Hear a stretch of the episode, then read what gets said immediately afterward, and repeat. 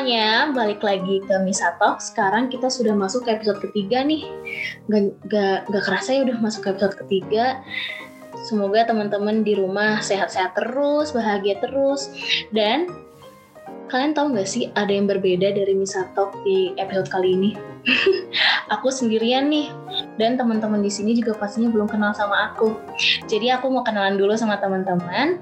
Halo semuanya, aku Jasmine. Aku currently lagi menyelesaikan studi aku di Universitas Pajajaran de, di jurusan televisi dan film. Hmm, di sini ada nggak ya kira-kira yang tertarik dan mungkin satu jurusan kayak aku juga. Semoga ada ya. Oh ya, jadi kali ini di episode ini tuh aku bakal sendirian nih nggak ada Adel, nggak ada Christine seperti episode episode sebelumnya. Hmm, nggak apa-apa, karena hari ini, eh episode ini, episode ini bakal seru banget karena bintang tamunya itu nggak kalah seru sama sebelum-sebelumnya. Apalagi temanya juga kayak lagi lagi trendy banget deh. Everyone is like starting this kind of movement and si guest star ini itu dijamin bakal sharing hal-hal yang seru tentang tema episode kali ini. So, to open this, aku mau kasih tahu tema untuk episode kali ini itu adalah NGO. Ada yang tahu nggak sih NGO itu apa? Hmm, NGO itu apa ya? Apa kita panggil aja kali ya? Gestar kita pada malam hari ini. Eh, boleh kalian nih kita panggil. Halo Kalin. Halo Jasmine. Hai Kak. Oh ya teman-teman, ini FYI aja, aku sama kalian itu tuh kakak kelas sama adik kelas loh pas SMA. Iya nggak Kak? Betul, sama hmm. alma maternya nih. Iya, kita dari mana Kak? Kita dari SMA Negeri 3 Bogor. Wey, semoga ada nggak ya yang Iya, kira-kira ada nggak ya? SMA Negeri 3 nih atau ada yang dari Bogor mungkin ya? Alumninya mungkin. Aku malu banget. Aku nggak nyangka episode kali ini aku bisa bertemu sama Kalin. Karena kalau boleh jujur I was I was one of the people yang look up to her gitu loh guys. Asik. Karena oh Kalin tuh Kalin tuh pas SMA tuh emang udah apa ya udah aktif banget guys. Terus sekarang she made a movement gitu. She has her own Oh my god, I'm so flattered. Thank you. Jadi, sumpah, ka kalian boleh dong uh, kita introduce gitu dong ke teman-teman di sini. Boleh, boleh. Halo semuanya, namaku sebenarnya Faulina, tapi uh, biasa dipanggil dan lebih pendeknya itu dipanggilnya Alin. Aku dari Bogor, tapi aku berkuliah eh, uh, di Universitas Pasundan jurusan Teknologi Pangan. Tapi currently sekarang aku lagi di Bogor sih lagi pulang. Gitu. Kalian sekarang kesibukannya apa kak? Kesibukan aku sekarang aku uh, sedang menjabat di himpunan kampus kebetulan. Uh, menjabat jadi apa kak? Dan aduh, aku bendahara lagi. Wow. Again, kalian juga dulu MPK kan? Eh iya kan ya? Enggak, aku OSIS dulu. OSIS, OSIS jadi bendahara juga gak sih kak? Iya. Emang. Angkatanku. Emang ya kalau Perduitan ini tidak pernah lepas. Aduh, terus terus ngapain aja kak selain Hima? Dan sedang mm, nyusun laporan kerja praktek, terus juga lagi nyari-nyari topik untuk penelitian. wow, semangat kalian nih aku lihat-lihat nih semua orang di apa kating-kating aku di Unpad tuh kayak semua tuh ngejar lulus gitu loh kak mumpung lagi lagi pandemi bener gak sih? Exactly bener banget karena pressure-nya tuh beda gitu loh kalau misalnya uh, kalian langsung tatap muka sama dosen penguji dan di laptop kayaknya akan lebih serem ketemu langsung gitu. Iya. Yeah. Dua-duanya degan ya. It's Tapi kan kalau misalnya um, dari online gini walaupun itu tetap harus memastikan koneksi ini tapi kayak ah mohon maaf pak tadi pertanyaannya boleh diulang. Ya ada introvert padahal mikir dulu tuh lagi nanya tuh sambil mikir lagi nafas. Apa ya? Gitu. lagi nafas lagi berusaha menenangkan diri gitu ya kayak ya? Pertanyaannya ini jawabannya apa nih? Balik deh gitu kan. Ya let's make the best out of this pandemic times nggak sih kak dan itu bukan sebuah hambatan. Yes, that's itu peluang gitu buat hmm. kita do something out of the box ya. Yeah. Be more creative. Exactly.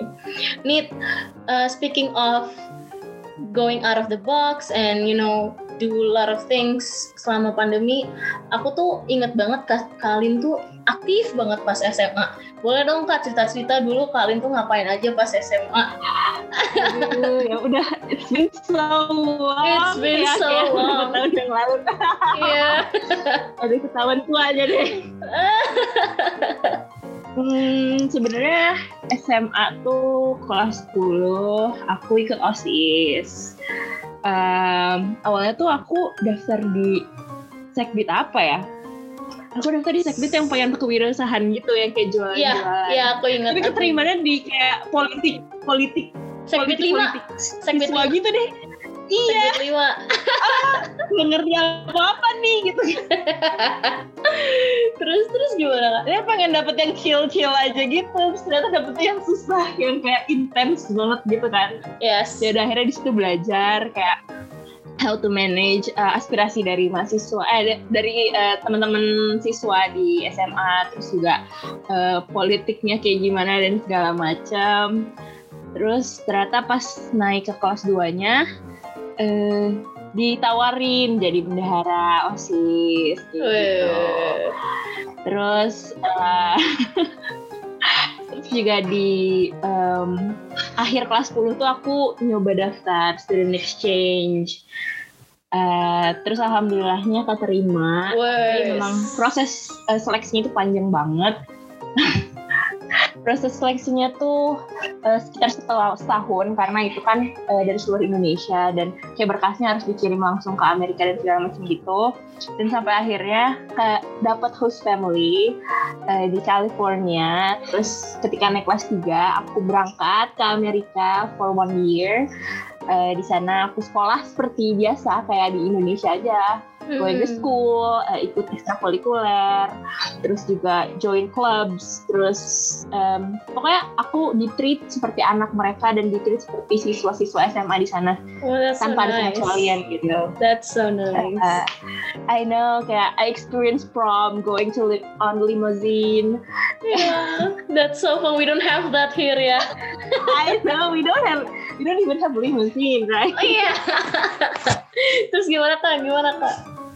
Ya terus eh, setelah dari situ pulang aku tetap balik ke SMA tiga lagi. Eh, aku melanjutkan lagi cutiku yang harusnya aku lulus bareng angkatanku, tapi aku bareng eh, adik kelasku yang satu Hmm. tahun di bawahku gitu. Eh, di situ aku masih terlibat sama beberapa kegiatan osis. Eh, dan karena aku sudah ikut exchange gitu, eh, aku juga jadi terekspos di em, yayasan yang membantu aku untuk berangkat ke Amerika dan aku volunteering juga di situ That's interesting. bantuin adik-adik tingkat eh adik-adik kelas yang emang ingin ikut lagi pertukaran pelajar gitu kan Mhm. we share our experience terus Mhm. dari Bina Antar Budaya pun eh, dikasih suatu wadah untuk kita eh, give back to our community salah satunya waktu itu ada eh, Yes Alumni Project Hmm. itu adalah nama program aku. Waktu exchange dan karena di Bogor itu ada beberapa orang yang sebenarnya bukan orang Bogor jadi akulah jadi eh, apa project officernya waktu itu. Wow, wow, wow, wow, so sibuk. Iya emang sudah harus siapin UN, siapin eh, alumni project, terus eh, si ininya nas apa tema nasionalnya itu kita eh, mengajarkan bahasa Inggris gitu, tapi Hmm. tidak ter apa terpaku ke siapa pun gitu, boleh ke siapa aja ngajarin bahasa Inggrisnya. Awalnya inisiasi kita mau ngajarin ke tukang angkot, tapi takutnya eh, kayak tukang angkot underestimate kita anak-anak SMA yang Iya. ya kayak Hmm. dianggap so tau lah akhirnya kita change our plan waktu itu karena mungkin eh, terlalu challenging untuk kita waktu itu jadi kita ke panti, panti asuhan waktu itu di Bogor Ya. Hmm. Eh, ngajakin beberapa bule juga yang lagi ada di Bogor untuk eh, involve terus ngajakin teman-teman semanti juga beberapa orang untuk bantuin kita eh, melaksanakan project itu dan alhamdulillah sukses anak-anaknya enjoy Yeay. um, have fun aja waktu itu oh. walaupun stresin kayak sehari sebelumnya ngumpulin sampah lah karena di situ selain ngajarin bahasa Inggris kita juga pengen kayak anak-anaknya di diarahkan lah sengaja tahu potensi mereka mereka eh, terbayang lah cita-citanya mau jadi apa. Terus kita juga kayak eh, bawain sedikit drama wayang gitu.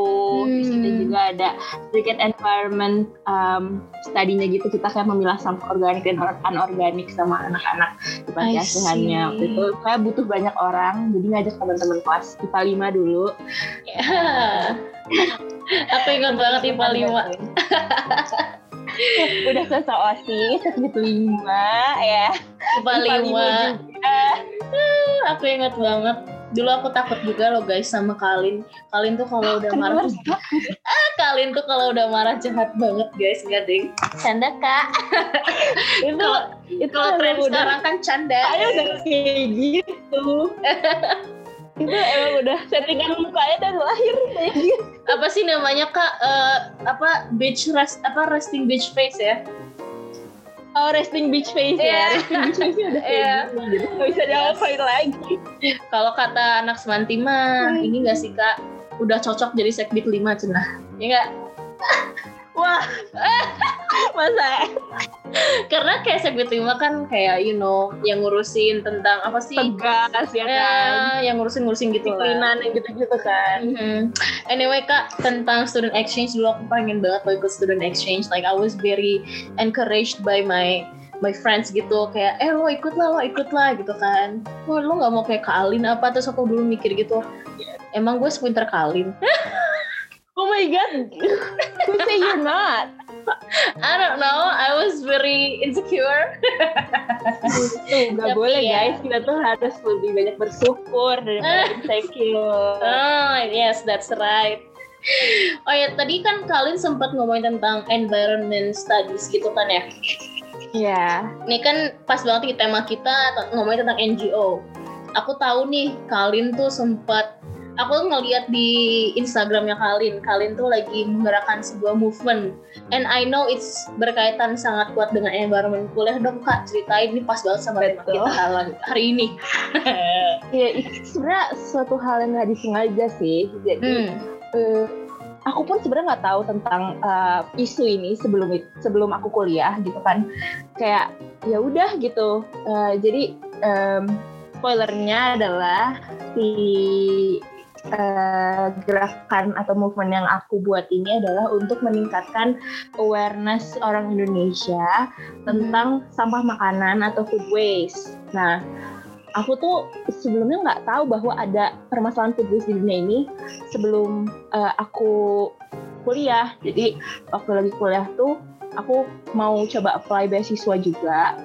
Eh, dan salah satu requirement-nya adalah eh, untuk bikin esai gitu. Nah, dalam esai ini ditanya em, apa sih prospek kerja dari eh, jurusan kamu kayak gitu kan. Nah, karena aku tentang teknologi pangan, jadi aku carilah eh, teknologi pangan tuh setelah lulus ngapain sih gitu kan. Eh, karena waktu itu juga masih tingkat awal, jadi masih agak-agak ngawang gitu. Terus sampailah aku pada suatu topik tentang ketahanan pangan. Terus aku baca-baca-baca, wah ternyata Indonesia tuh adalah salah satu negara penyumbang sampah makanan terbesar. Kayak sampah makanan, apaan tuh gitu kan. Food waste. Uh, aku coba cari lah, iya, aku Mhm. cari lah apa tuh food waste. Terus uh, aku sampai sebuah informasi bahwa Indonesia adalah negara penyumbang sampah makanan terbesar di dunia. Nah, terus ironisnya adalah padahal di Indonesia tuh masih banyak orang yang kelaparan gitu status ketahanan pangan itu masih rendah. Mhm. Terus kayak aku mikir aku yang selama ini di rumah walaupun seenggaknya seenggak ada makanan nggak ada makanannya tuh bisa ceplok telur bisa makan nasi gitu kan ternyata banyak loh orang yang nggak bisa makan tapi aku dan teman-temanku mungkin masih banyak juga untuk membuang makanan gitu. Kayak aduh gue kenyang deh gak mau deh buat aja oh gue juga kenyang buang aja gitu. Atau kayak eh, kita lupa untuk menyimpan makanan terus besokannya basi. Mhm. ya padahal sebenarnya kalau kita bisa menyimpan makanan itu dengan baik besok masih bisa kita konsumsi gitu kan. Mhm.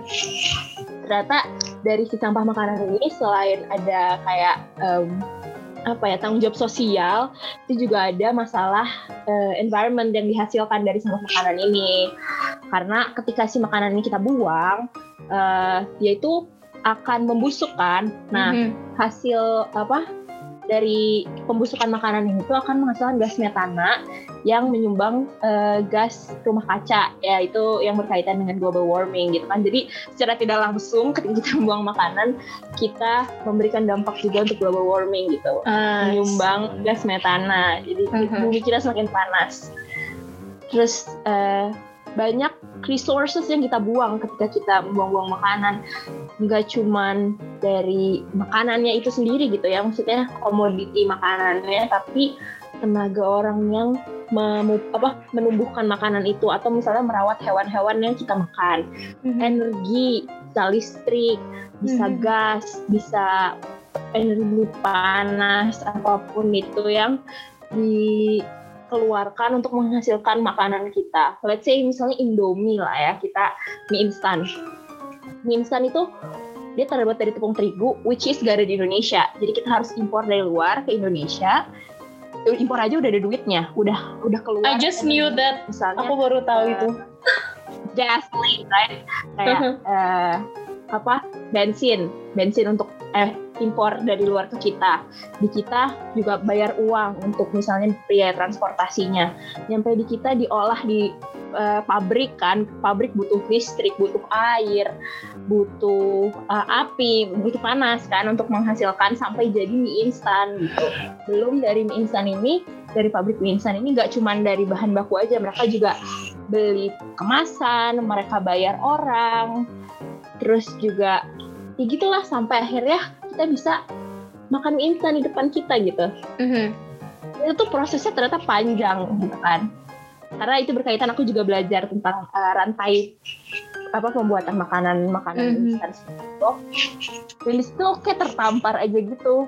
Wow, kayak kelihatannya tuh nggak ada, padahal itu sebenarnya gede banget masalahnya. Ah, iya ya. Terus kayak aku aku mikir gitu apa cuma gue doang nih yang nggak tahu? Dan aku melakukan survei lah survei kecil sih untuk teman-teman di Instagram aja waktu itu. Itu masih 2018 deh kalau nggak salah. Mm-hmm. uh, masih baru ada yang pol-pol gitulah. Ya aku ingat. Nah, terus aku bahas lah itu tentang kayak uh, hal-hal yang tadi gitu. Tahu nggak sih? Indonesia tuh negara gini gini gini padahal Indonesia kelaparannya masih tinggi. Uh, sampah makanan tuh adalah yang seperti ini seperti ini. Kalau kalian udah tahu belum? Kayak gitu. Dan ternyata banyak banget yang belum tahu uh, kayak sekitar 90 di atas persen gitu hasilnya. Yang belum tahu bahwa ada yang namanya sampah makanan dan isu itu di Indonesia. Hmm. Terus ya biasa aku ngobrol sama teman-temanku kayak uh, aku baru tahu deh kayak gini gini gini gini. Pengen deh bikin apa ya sesuatu seminar kayak atau apa kayak yang ngobrol-ngobrol tentang ngebahas sampah makanan atau food waste ini. Itu di bulan April 2018 terus di bulan Juninya atau Mei-nya lupa Nah, Yayasan Bina Antar Budaya yang waktu itu aku ikut exchange itu, mm-hmm. uh, mereka ngebuka mini grant gitu untuk alumni alumninya kayak. Mini apa itu? Misalnya, itu apa? Program apa mini itu? grant itu jadi kayak kita memberikan proposal ke mereka, nanti proposal yang dikiranya itu sesuai sama apa yang mereka inginkan akan dibiayai kayak gitu, hmm. gitu mini grant. Jadi uh, kita cuma ngasih ide dan proposal, nanti mereka ngasih duitnya ke kita, kita yang eksekusi seperti itu. I see. Terus uh, aku bilang lah, aku cerita ke temanku kayak pengen deh uh, ikutan itu bawa isu food waste kataku gitu. Mm-hmm. Tapi apa ya, gimana ya, maksudnya bentuknya seperti apa kayak gitu kan. Nah, itu uh, temanku Naufal, dia juga ikut exchange sama hmm, dia tuh kuliah di Andalas uh, teknologi mm-hmm. apa teknik lingkungan. Mm-hmm. jadi agak bers bersinambungan juga gitu kan. Ya terus kayak menurut lo gimana nih sampah makanan? Ada yang bisa diolah nggak sama lo? Gitu kan kayak mm-hmm. dari, dari segi teknik lingkungannya. Uh, bisa sih kayak kita bikin pupuk dan segala macam kita olah supaya nggak jadi sampah katanya gitu oh mau gak kita bikin program yang untuk membuat apa eh, ngekompos sendiri lah istilahnya gitu. Uh-huh. eh, terus aku juga mikir mau bikin kayak acara talk show gitulah untuk ngebahas ini. Dan akhirnya aku dan dia membuat proposal itu eh, dan sebenarnya bingung gitu loh nama nama nama acaranya apa ya nama kegiatannya. Eh ya udahlah katanya yang deket-deket sama keseharian kita aja. Terus aku mikir kalau kita ngebuang-buang makanan piring kita ada sisanya dong. Kalau misalnya kita nggak buang-buang makanan piring kita bersih gitu kan. Ya udah akhirnya aku membuat nama gerakannya adalah piring bersih waktu itu. Weh, piring bersih. Aku aku aku aku langsung follow lo kak. Seriusan, aku inget banget pas kalian tuh mulai thank you mulai promote-promote tuh tentang piring bersih. Dan kalau boleh jujur tuh aku um, like couple days prior to I saw that promotion di IG itu tuh aku kayak baru ini baru banget baca di Instagram juga buat like food waste tapi di Amerika gitu kayak and I learn a little bit ya mungkin gak sedalam Kalin and very scientific ya Kalin ya. Cuma aku aku baru maksudnya aku pas banget itu kayak came upon uh, food waste gitu di Amerika terus I read about that terus uh, tiba-tiba like beberapa hari kemudian tuh aku ngeliat Kalin bikin gerakan piring bersih gitu kan. Terus aku kayak langsung otomatis follow gitu loh. Terus kayak oh, Uh, thank you.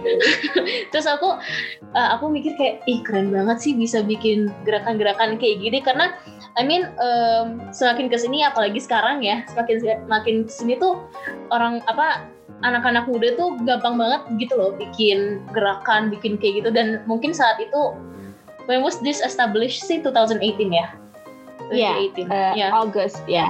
Eh, di 2018 kan juga nggak terlalu se ini ya nggak se seaktif sekarang tuh muda apa para pemudanya gitu. Jadi aku kemarin tuh pas pertama kali ngeliat Kalin buka apa membuat gerakan itu aku kayak wah Kalin hebat banget gitu.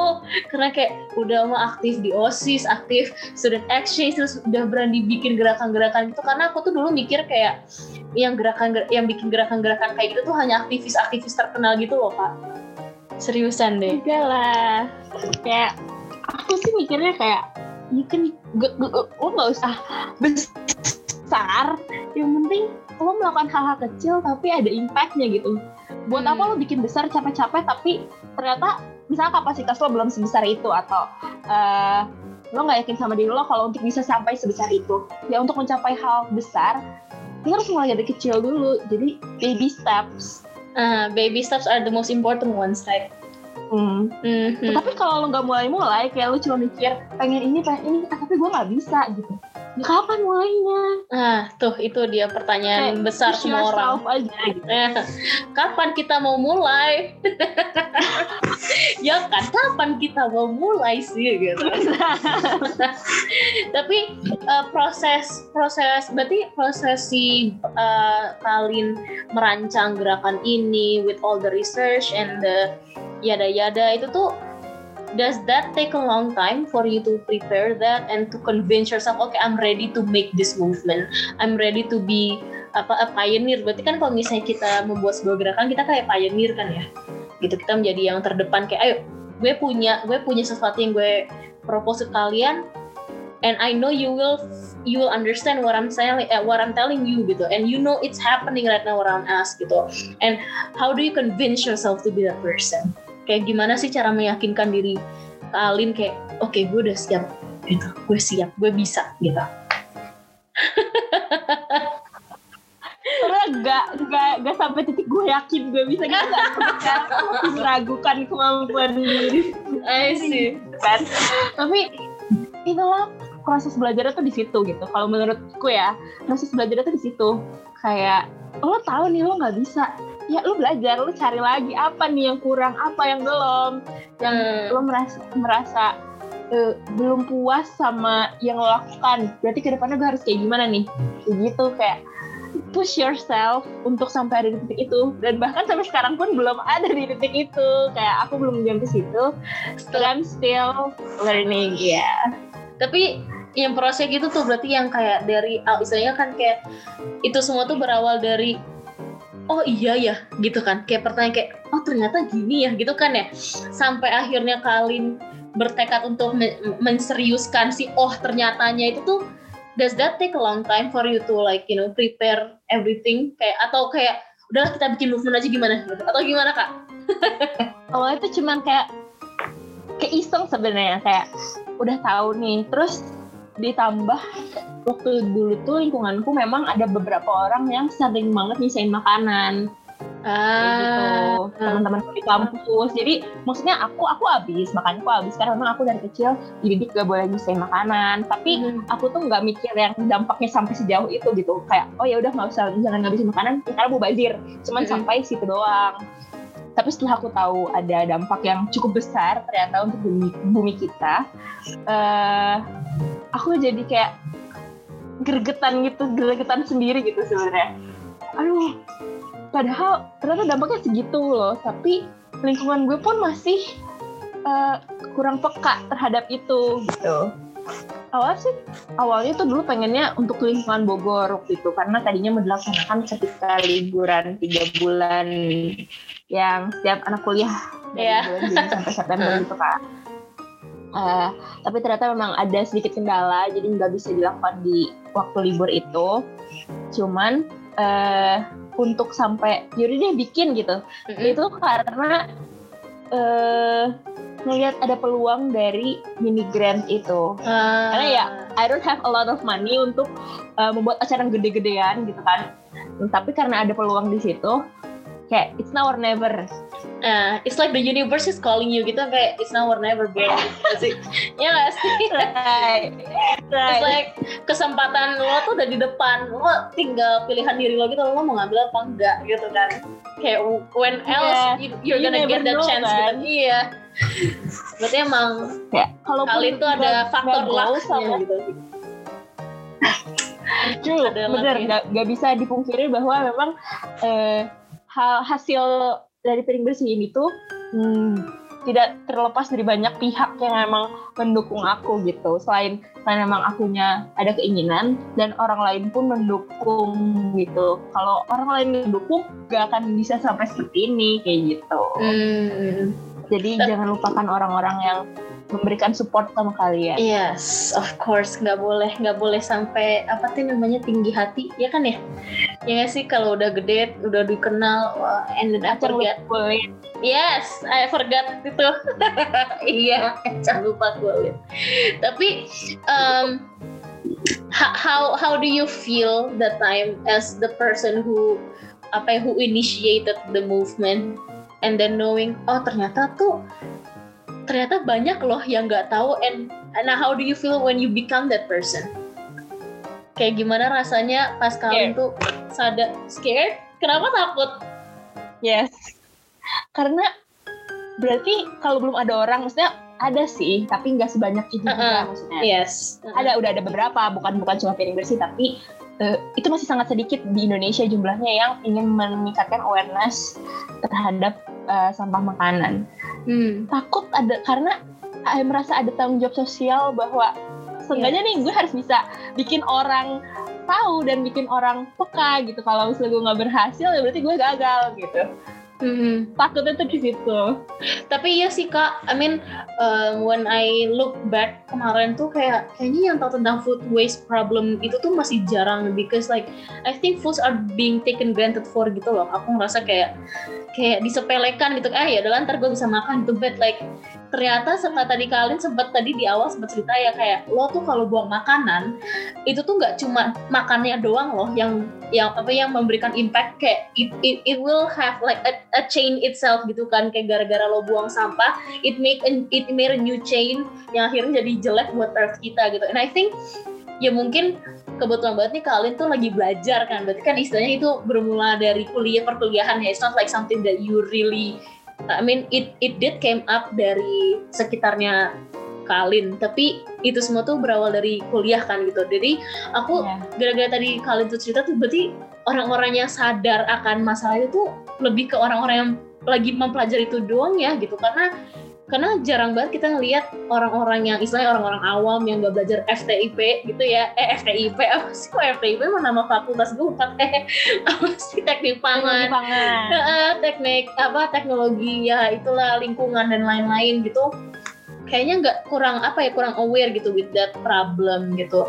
Jadi pas uh, pas aku juga uh, tahu tentang gerakan ini tuh kayak eh ini tuh gerakan yang sangat sepele tapi ternyata it gives a very very big impact ya gitu loh terus kayak masih jarang banget orang mengangkat tema itu betul nggak aku tuh ngerasa uh, masih uh, kan sedikit ya masih sedikit banget gitu karena aku sampai saat ini juga yang uh, sing apa NGO NGO yang came across gitu tuh lebih ke yang social justice, you know yes. kayak ya kan sosial kan itu juga lagi marak ya di beberapa tahun ke belakang gitu. Jadi menurut aku nih uh, apa tuh tema yang diangkat sama kalian tuh bener-bener unik banget gitu and I really really support piring bersih gitu loh. Oh my god, thank you. Hmm. Eh tapi ngomong-ngomong kak, berarti kan udah dari 2018 ya, pasti masih berjalan sampai saat ini. Program-program apa aja sih yang Kak Alin pernah initiate and yang udah pernah terrealisasikan? Iya, waktu itu pernah diajak kerjasama sama uh, ISEC IPB. Uh, kita waktu itu uh, apa lapangan sempur di Bogor ya salah mm-hmm. satu lapangan yang cukup besar dekat istana itu uh, masih buka ya kan kalau sekarang udah tutup ya ditutup sementara. Uh, tiap tiap hari minggu pagi itu orang-orang ramai banget. Orang-orang Bogor bisa kumpul di situ untuk um, olahraga atau jajan. Karena itu jadi kayak pasar kaget gitu. Mm-hmm. nah waktu 2018 akhir Oktoberan lah pokoknya kita diajak uh, ikut kampanye bareng. Jadi uh, kita bawa itu lebih kayak untuk um, apa ya? Uh, karena mereka itu ngajak kerjasamanya sama komunitas-komunitas uh, yang mendukung SGDs mm-hmm. uh, dan aku pun uh, dan piring bersih itu juga mengangkat uh, tiga SGDs yang berkesinambungan yaitu zero mm-hmm. hunger, uh, responsible consumption, sama lupa udah udah lama udah agak lama nih ya mohon maaf uh, tapi emang bener-bener ya, satu lagi ya, ya. Uh -uh. terus terus gimana kak oh sama climate action. Ya, ah, climate, climate action. action. Oh iya, iya. Jadi ketiga itu yang kita fokuskan. Uh, jadi kita diajak kerjasama. Nah selama itu memang nggak cuman uh, apa ya nggak cuma kampanye sih tapi uh, aku dan uh, teman-temanku waktu itu kita mengemas kampanyenya dalam bentuk game. Jadi emang piring bersih tuh sasarannya ke anak sekolah sih karena dirasa aku sih aku pribadi yang yang membuat inisiasi untuk sasarannya adalah anak sekolah karena aku merasa di zaman sekarang nih maksudnya zaman kita uh, itu apa itu pasti beda banget kan sama zaman orang tua kita. Mm-hmm. Sekarang anak-anak itu udah lebih banyak ke expose sama social media, terus juga um, platform-platform penyebar informasi dibanding zaman dulu. Dan anak-anak zaman sekarang itu sudah lebih diberi kebebasan oleh orang tuanya untuk megang uang. Hmm. Dan That's true. bener kayak apa food are taking granted nowadays Yes. Jadi aku merasa dengan mereka diberikan kebebasan megang uangnya ini, mereka bisa jadi seenak gitu loh dan uh, kulinernya kan di Indonesia. Mm-hmm. Uh, jadi mereka lebih kayak mengeksplor dunia kuliner, tapi banyak juga yang mungkin porsinya nggak sesuai sama kemampuan mereka makan atau uh, rasanya itu tidak sesuai sama uh, their taste buds gitu kan. Uh, jadinya dari situ bisa. Jadi mereka nggak buang-buang makanan. Karena kalau kita ke food court aja kan dulu di mall tuh sering lihat di meja masih nyisa setengahnya lah atau apa. Dan nggak ada keinginan untuk dibawa pulang. Ya gitu ya. Kan. ya aku kesel jadi, banget sih. itu aja. Lalu kan masih bisa dibawa pulang gitu. Walaupun kita nggak suka mungkin di di jalan atau uh, di rumah bisa kasih ke orang rumah kayak atau di jalan mm -hmm. bisa kasih ke teman-teman yang lebih membutuhkan gitu. Siapa tahu itu jadi rezeki mereka kan gitu mm -hmm.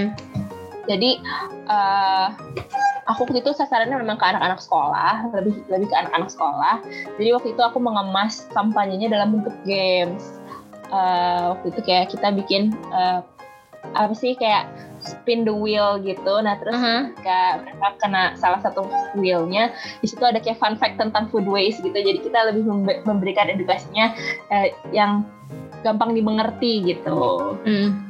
that's unique sih.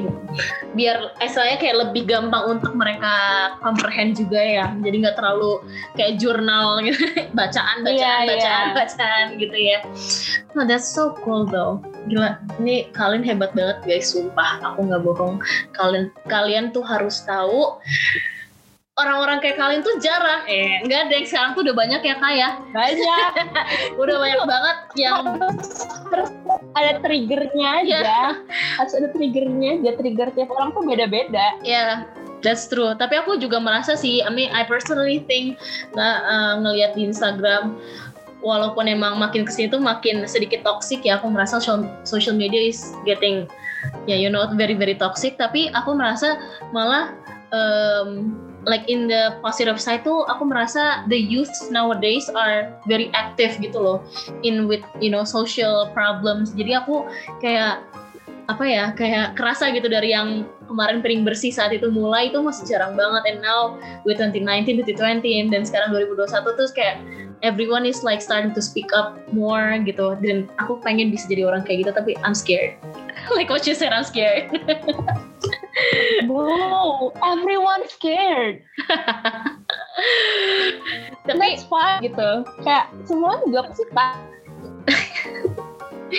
Ya tapi speaking of that is there anything that you want to share ke teman-teman yang siapa pun lagi dengerin?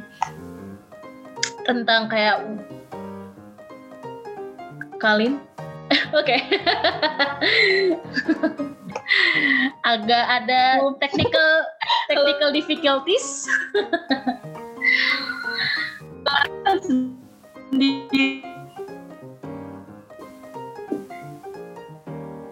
apakah sudah kembali. Oke, mencoba bentar. Oke. Dari Kalin nih, ada nggak sih kata-kata mutiara untuk para pemuda saat ini gitu? Yang lagi melek banget dengan social problems, like what else can they do? Uh, apa what else can they do more other than just you know speaking up their opinions, speaking up their about you know ya pokoknya all the things that they're doing now what can they do more gitu. Uh, comfort zone is dangerous Uh. Uh. It- itu em- itu salah satu quotes yang uh, yang selalu aku ingat hampir setiap saat. Karena aku orangnya yang gitu yang insecure takut gitu. Itu masih ada banget dalam diriku gitu. Mhm. tapi kalau ingat di uh, comfort zone is dangerous itu ada benar karena kalau kita nggak mau keluar dari comfort zone kapan kita bisa maju? Kapan kita bisa uh, achieve our goals gitu? Mhm. achieve our dreams. Jadi uh, dan pasti ketika kita memulai sesuatu itu pasti menakutkan tapi pasti everyone juga uh, experience the same thing Mhm. walaupun mungkin levelnya beda-beda ya untuk tiap orang tapi pasti rasa takut itu dimiliki sama semua orang jadi lo nggak sendiri yang penting itu gimana caranya lo mau manage ketakutan lo dan percaya diri sama diri lo Hmm. Wow, words. Kalau kalau kalau- kalau zaman-zaman sekarang kan ngomongnya cuma satu kata dong. Words. biar simple ya keep it Yes. simple Words but very powerful like words. Tuh guys, dengerin kata-kata Kalin sih. Everyone has their own problems, but we shouldn't put it out out there. We can do better than that. Last question, Kak. What is piring bersih for you? What is an NGO in your life? NGO tuh, oh ya, aku lupa, aku lupa dan nanya. dibahas ya Iya. tadi NGO itu non government, eh apa sih NGO NPO?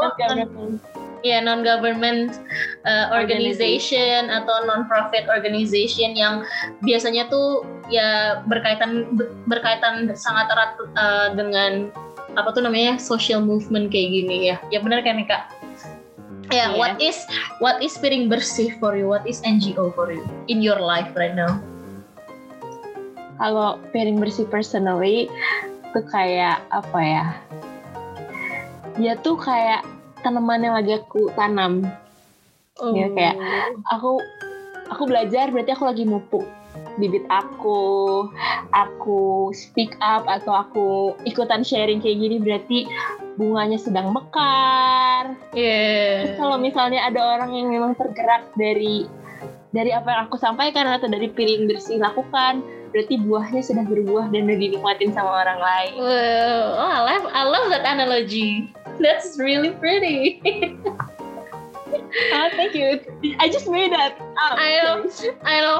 Sometimes analogy just came up like that, right? right. Dan itu sebenarnya kayak shit, what apa yang harus gue bilang? ya udah. Well, you know, words will have their own way to, you know, go out. Gila kak, kita udah ngobrol lama banget, nggak sadar sih ya, seru banget sumpah. Karena emang topik ini tuh menurut aku lagi hot banget gitu loh di zaman-zaman sekarang. Cause like, like I told you, everyone is starting to speak up and more aware and they're like more apa sih bahasa sekarang tuh woke, right? They're like more yeah. Woke about the social problems around them gitu. Jadi ya seru banget bahas tentang ini dan apalagi topiknya movementnya Kalin tuh benar-benar unik dan berbeda dan masih jarang sekali untuk diangkat gitu. So thank you banget Kak Alin udah curhat, udah cerita, udah sharing, udah apa pun pada malam hari ini sampai nggak kerasa ini udah lama banget. we could we could just forget about the time and just go on, but like we have just to stop talk and talk. Thank you banget ya Kalin udah meluangkan waktunya untuk sharing sama teman-teman Nisa di sini sama aku. I hope everyone yang di sini inspired to to do more than what they think they couldn't do you know like you can do more bro. Oke okay, paling itu aja. Kalian ada ya, apa pun passionnya menurutku apa oh ya terakhir kayaknya. Mungkin, uh -uh. mungkin terakhir. Uh, apa pun passionnya gitu it, gak mesti social justice gak mesti environment apa pun itu yang you love kayak your passion just go for it Yes. Again, again. Words. Words. Words. Oke, okay, makasih banget kalian buat teman-teman yang masih setia dengerin sampai detik ini. Terima kasih juga karena berkat kalian Nisa Talks bisa sampai ke episode ketiga. Minggu depan bakal ada episode keempat yang juga pastinya nggak kalah seru dengan hari ini temanya. And I hope you guys learn something. I hope you guys get inspired. Jangan lupa untuk follow di ak semua akun sosial medianya Misal Learning ada di LinkedIn, ada di Instagram, ada di TikTok.